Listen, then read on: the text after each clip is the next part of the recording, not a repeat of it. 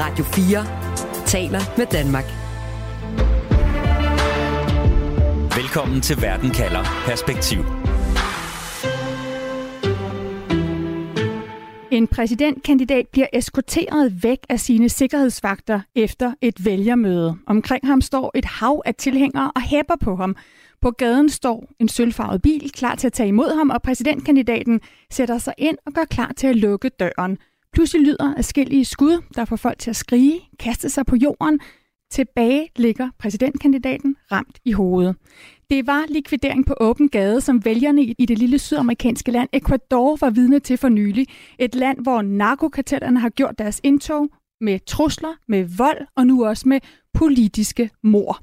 Derfor spørger jeg i dag, kan narkokarteller myrde sig til magten? Jeg hedder Stine Krohmann Dragsted. Velkommen til Verden kalder perspektiv, hvor jeg stiller et spørgsmål, der giver dig perspektiv på verden omkring os, og på 30 minutter giver dig et svar. Du lytter til Radio 4. Det er da præsidentkandidaten Fernando Villavicencio forlader et vælgermøde, at han bliver likvideret på åben gade. Og jeg skal advare om, at det er et lidt voldsomt lydklip, jeg spiller her.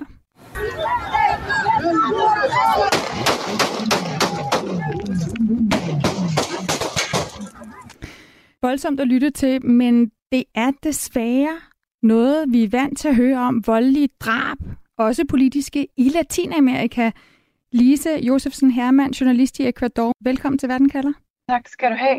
Du har boet i Ecuador i otte år, og du siger, at voldelige drab på ingen måde har været hverdagskost i det her land. Hvor chokeret er du over, at en præsidentkandidat bliver skudt på åben gade? Altså, øh, jeg er så kommet hertil for, for otte år siden, og der var det i hvert fald ikke øh, hverdagskost, men det er jo det så efterhånden øh, desværre blevet. Men derfor er, jeg tror, alle, der er i Ecuador, chokeret over det her, for det er ligesom sådan, det rigtige volden eskaleret, der, der der er kommet øh, stadig mere politisk øh, vold og flere andre sådan meget øh, voldelige episoder, men, men det her med, at en øh, præsidentkandidat kan blive slået ihjel på åben gade i hovedstaden. Og nu hørte jeg også lige, øh, jo som jeg andre lydklippe der, det, bliver også, altså, det er også bare lidt voldsomt for mig at høre, at blive mindet om det her med, for jeg bor ikke særlig langt.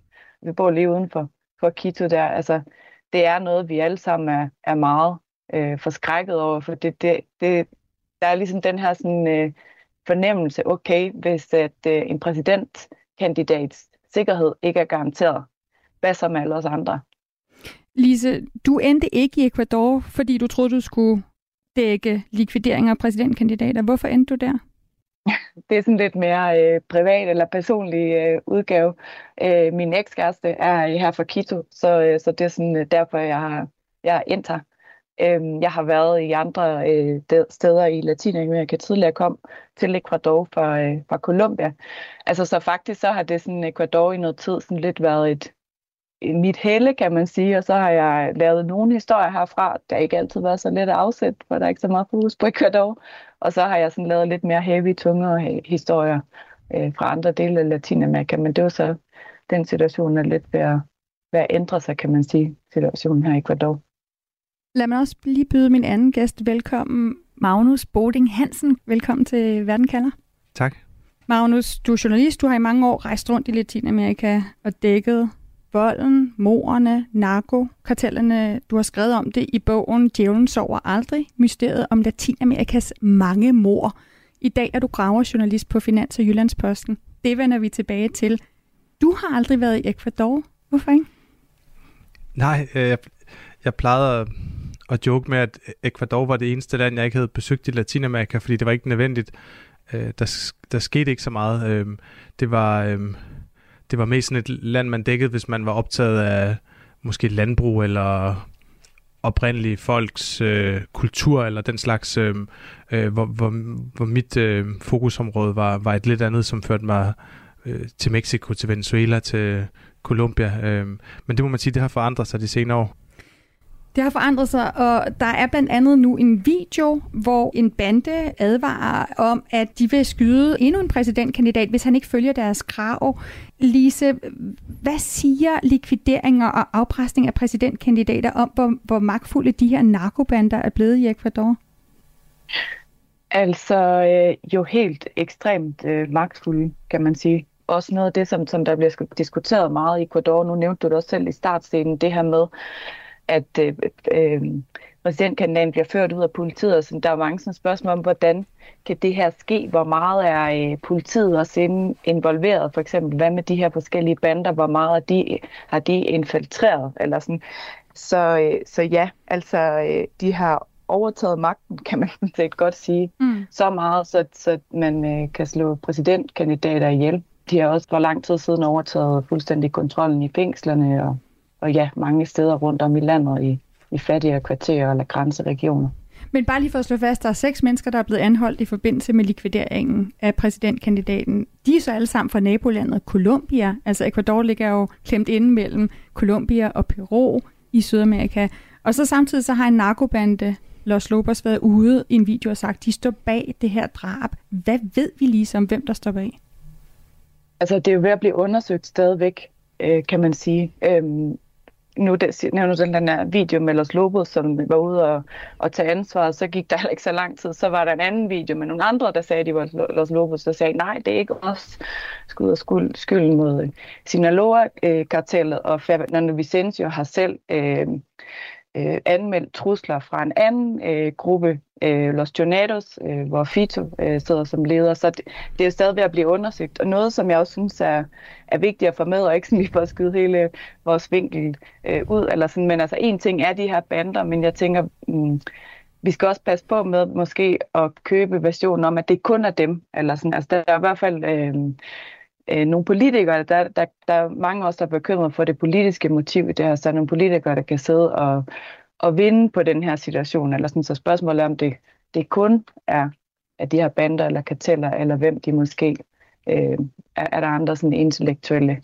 bagmænd, eller sådan. Så det, det du det, siger, noget, som mange det er interessant for. at se, hvor man, altså hvem der i hvert fald vinder politisk på det her også. Øh, det er, der er jo altså et præsidentvalg i gang i Ecuador. Det er der, ja. hvor der er en præsidentkandidat, der er blevet likvideret. Et præsidentvalg, hvor første runde sker på søndag.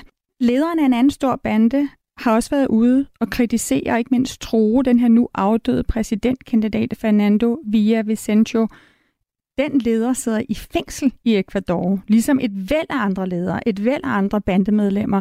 Lise, hvordan kan en narkoboss få lov til at give ordre om politiske trusler og vold inde fra et fængsel? Ja, det kan jeg godt forstå, at du spørger på den måde. Altså, for det virker det øh, måske, når man sidder i Danmark, som sådan helt vildt og usandsynligt. Men altså, øh, det er som sagt, det er lang tid siden, at de her bander overtog fuldstændig kontrollen i alle fængslerne i Ecuador. Jeg var selv for et års tid siden ude og, og dække situationen, for der har været sådan flere eksempler på meget, meget øh, blodige massakre i, i øh, mange øh, af fængslerne. Det er simpelthen sådan, og, og noget af det, som jeg sådan, øh, en, en lille bitte anekdote, hvis jeg må få lov at sige det, som jeg kan huske derfra, var, da vi skulle ind af fængsel, så, så ansøgte jeg om tilladelse for at komme derind. Og så var beskeden sådan, du kan komme ind i sådan, den, den aller sådan yderste ring til fængslet, længere derinde, der har vi ikke, vi kan ikke garantere din øh, sikkerhed, for det er ikke os, der kontrollerer. var myndighedernes egen eget svar. Eller sådan, så, det, så det er simpelthen, vi taler om fængsler, hvor banderne, øh, hvor banderne har kontrol over de forskellige dele af fængslerne.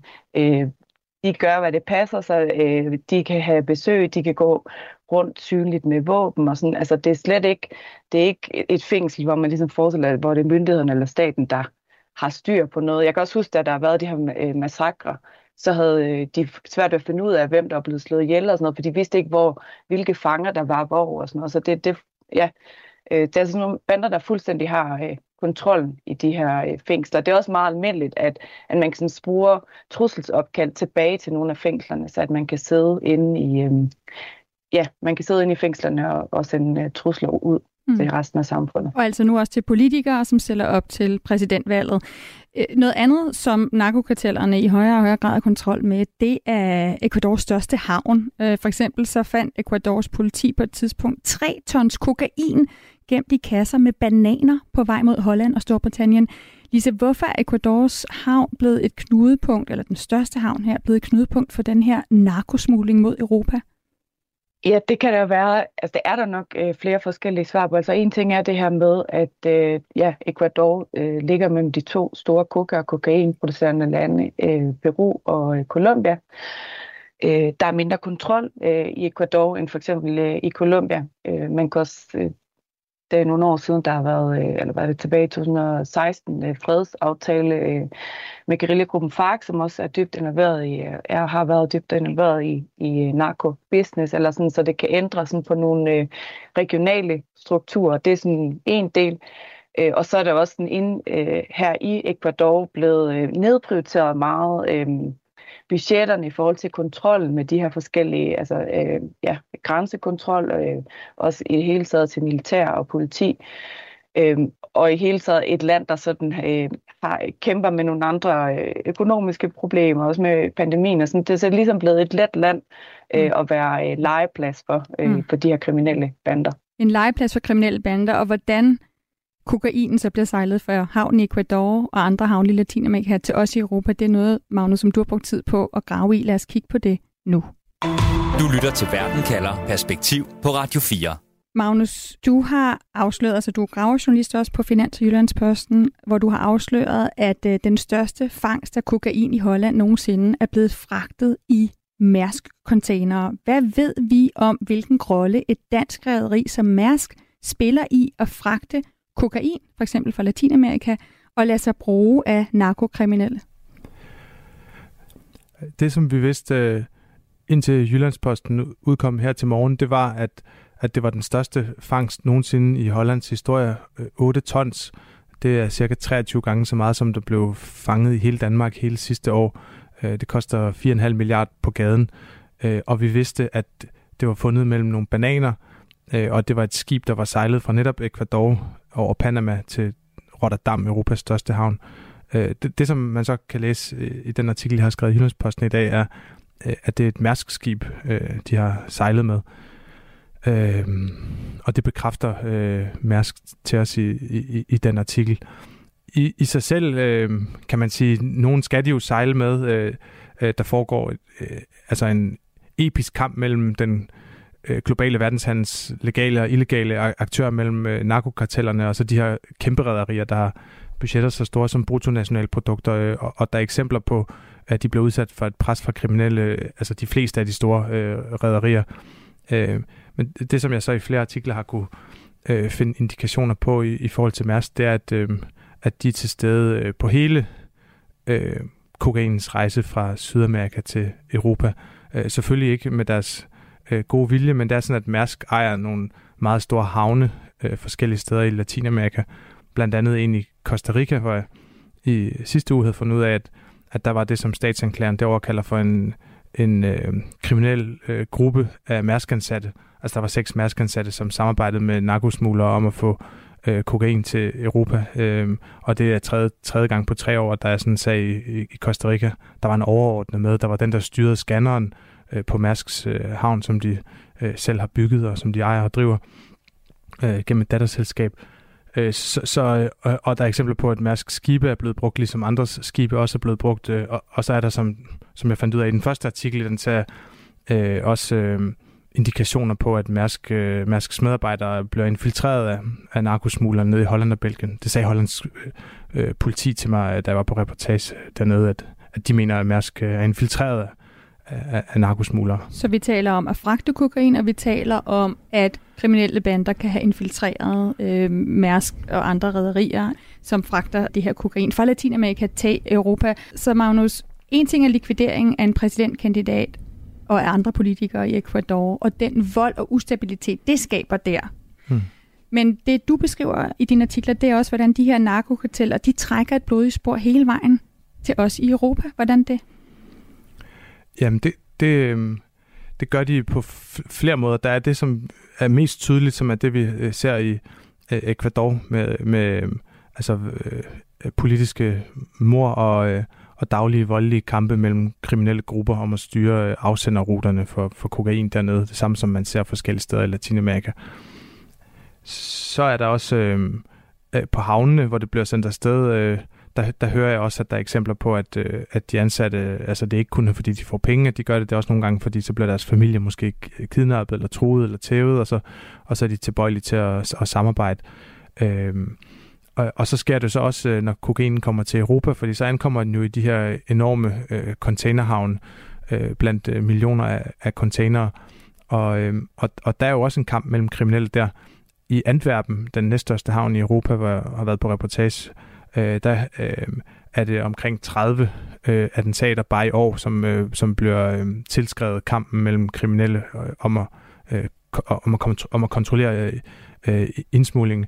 Øh, øh, jeg, jeg gik blandt andet forbi sådan en, en pandekage-restaurant, hvor der havde været tre øh, granatangreb, og der var sådan en 11-årig pige, der er blevet skudt på et tidspunkt. Og det, det er jo en helt anden øh, og øh, trods alt fredeligere skala end øh, i Latinamerika, men, men tragisk ikke desto, mindst, øh, desto mindre. Og så i, i Danmark, der ved vi jo også, at, øh, at, øh, at de kriminelle er til øh, skyder på hinanden. Lad mig lige gå fra, hvad du skriver i avisen, til hvad du har skrevet for nylig på Facebook. Sniffer du kokain? så er du skyld i, at samfund ødelægges, og børn dør, og frihedskæmpere og uskyldige dræbes på hele kokainens rejse fra Andesbjergene over Europas containerhavne til København, hvor målinger i spildevand viser et øget forbrug. Velbekomme. Sådan skriver du, Magnus, i et opslag på Facebook. Hvordan mener du, at danskere, der bruger kokain til en fest, er medskyldige, eller det siger jeg, du siger faktisk skyldige, i at uskyldige dræbes i for eksempel Ecuador? det er jo en relativt banal konstatering, at hvis man øh, er, for, er forbruger af et produkt, øh, hvor man ved, hvilke omkostninger øh, øh, der er forbundet med at udvinde og øh, tilvejebringe øh, det øh, produkt, øh, så har man et, øh, et ansvar for det. Det er jo, det er jo hele grundlaget for den måde, vi tænker, øh, øh, tænker vores, øh, altså vores fair trade øh, ordninger, øh, øh, vores moralske debat øh, i det hele taget, øh, flyrejser, det udleder et eller andet, så har man et medansvar for det. Øh, og så er det jo bare sådan, at, at i forhold til kokain, der er det jo sådan, altså, der, der er det jo et helt exceptionelt blodigt øh, spor, det trækker. Øh, og det, det ved man, det har man kunne øh, konstatere for længe siden. Nu er der så igen øh, en øh, frihedskæmper, er der mange ekvadorianere, der opfatter præsidentkandidaten her som øh, der, der er blevet skudt. Øh, så det synes jeg, man skal øh, tænke over mellem banerne. Mm, vi skal måske lige fortælle, at den her præsidentkandidat jo tidligere var journalist. Han har blandt andet været med til at afdække korruption, som har betydet, at en, en tidligere præsident i Ecuador øh, nu er i landflygtighed øh, på, grund det, på grund af det, han har mm. afdækket. Man siger, lige... at han var en af de eneste, som, som, ligesom, øh, mm. som påpegede den øh, forbindelse, der er mellem politikerne og, og de organiserede kriminelle i Ecuador og han er altså nu likvideret. Lise Josefsen Hermann, du er stadig med netop fra Ecuador. Øhm, den her kobling mellem kokainbrugere i, i Europa, i Danmark, øh, og, og, og den skyld, øh, Magnus skriver om her, og så øh, hvad der sker i Ecuador. Hvad tænker du om den, og er der nogen i Ecuador, der bebrejder os i Europa, altså den her stigning i for eksempel vores brug af kokain, for at deres samfund nu mærkes af vold og mord? Jeg vil sige, det jeg sådan, øh, oplever mest, både her i Ecuador, men også andre steder i Latinamerika, det er ikke så tit den der direkte mod forbrugerne. Altså jeg er enig i, øh, og sådan personligt, man kan sige, det der med selvfølgelig som, som forbruger, eller hvad man nu skal kalde det, øh, eller bruger, øh, har et ansvar, ligesom hvis man køber bananer eller et eller andet andet, hvordan det er blevet produceret, og de konsekvenser, øh, det nu har i tilfælde med kokain, meget blodig. Men jeg vil sige her i Ecuador, øh, så er der mere sådan en, en modstand eller af, øh, afstandstagen til øh, hele sådan forbudspolitikken, altså sådan det med, at koka og kokain er ulovligt, og hele den øh, tanke, øh, det er skyld i, altså det er selvfølgelig sådan på et andet led, eller sådan, det er skyld i, at vi har alle, alle de her øh, blodige spor og blodige episoder i, i Latinamerika. Jeg synes mere, det, det er den, mm. øh, den vej, øh, fingerpegen, øh, jeg, jeg oplever her fra Latinamerika. Og bare lige for at slutte sporet i Danmark af, der er flere og flere danskere, som tager kokain. Og det er ikke længere et storbyfænomen forbeholdt det tættet, for i, i dag er kokain blevet, blevet tilgængelig i nattelivet over hele landet. Og det skyldes blandt andet, at prisen på kokain er faldet meget ifølge dansk misbrugsbehandling. Så efterspørgselen er der. Men Magnus, hvorfor er det, at kokainafhængige i Danmark, at det er deres skyld, at narkokartellerne i Ecuador benytter vold og drab som kontrolmidler? Det er jo sådan, at der kan godt være flere, som er skyld øh, i noget. Øh, den, som trykker på aftrækkeren, er, er skyld i, at kuglen forlader øh, pistolen. Øh, den, som øh, køber øh, det produkt, øh, der gør det til øh, øh en attraktiv øh, forretning, øh, for ham øh, og opfører sig øh, på den måde, øh, Øh, har også et øh, medansvar. Og så foregår der en ak- akademisk øh, debat om, hvorvidt øh, legalisering af, af, af kokain øh, vil kunne komme den organiserede kriminalitet øh, til livs. Øh, jeg mener, det er, er sandsynligt, at det vil kunne øh, have en gavnlig øh, effekt. Jeg tror ikke, det er, er sådan en, øh, en altså en, en lykkelig løsning på, på alting. Men det, men det er jo bare en helt almindelig måde for os at, at tænke på. Man kunne jo sige det samme om, hvis man køber øh, bloddiamanter. Det er jo også øh, nogen, der har øh, øh, indsmurt øh, øh, dem i blod. Derfor er vi jo almindeligvis øh, kede af at gå med bloddiamanter øh, alligevel øh, handlede øh, kvinders seksuelle ydelser, er også en vis øh, stigmatisering af øh, socialt, øh, hvis man øh, benytter sig af. Øh, og, og der kunne jeg godt tænke mig, at vi går væk fra den her øh, måde at se øh, kokain som sådan et livsstils øh, fænomen og et personligt valg, og så kan man, hvis man er en kendis, øh, der har øh, gjort det, og så har valgt en anden vej, så kan man sige det, og så handler det hele bare om øh, en selv. Altså jeg kunne godt tænke mig, at man var klar over, øh, at man øh, ødelægger øh, samfund øh, og menneskers liv, når man gør det. Og det lyder måske som en holdning, øh, men det er faktisk øh, et faktum, øh, som øh, jeg har haft lyst til at sige i, i, i noget tid, og nu øh, har jeg så sagt det. Og nu har du sagt det her på radioen også. For at opsummere, er det så korrekt, at det du siger, Magnus, det er, at vi bør bekymre os om for eksempel likvideringer på åben gade af præsidentkandidater i Ecuador af tre grunde. Fordi det handler om, at samfund i for eksempel Ecuador bliver ødelagt af brutale narkokarteller, fordi vores brug af kokain i Danmark er med til at føde den vold, og fordi vi nu ser angreb i Europa, panikagehus, der bliver angrebet med granater, journalister, der bliver troet, som kan kobles til kampen om kontrollen med kokainindsmugling i Europa fra for eksempel Ecuador. Jamen, det, det, mener, jeg, det mener jeg helt indlysende, ja. Radio 4 taler med Danmark.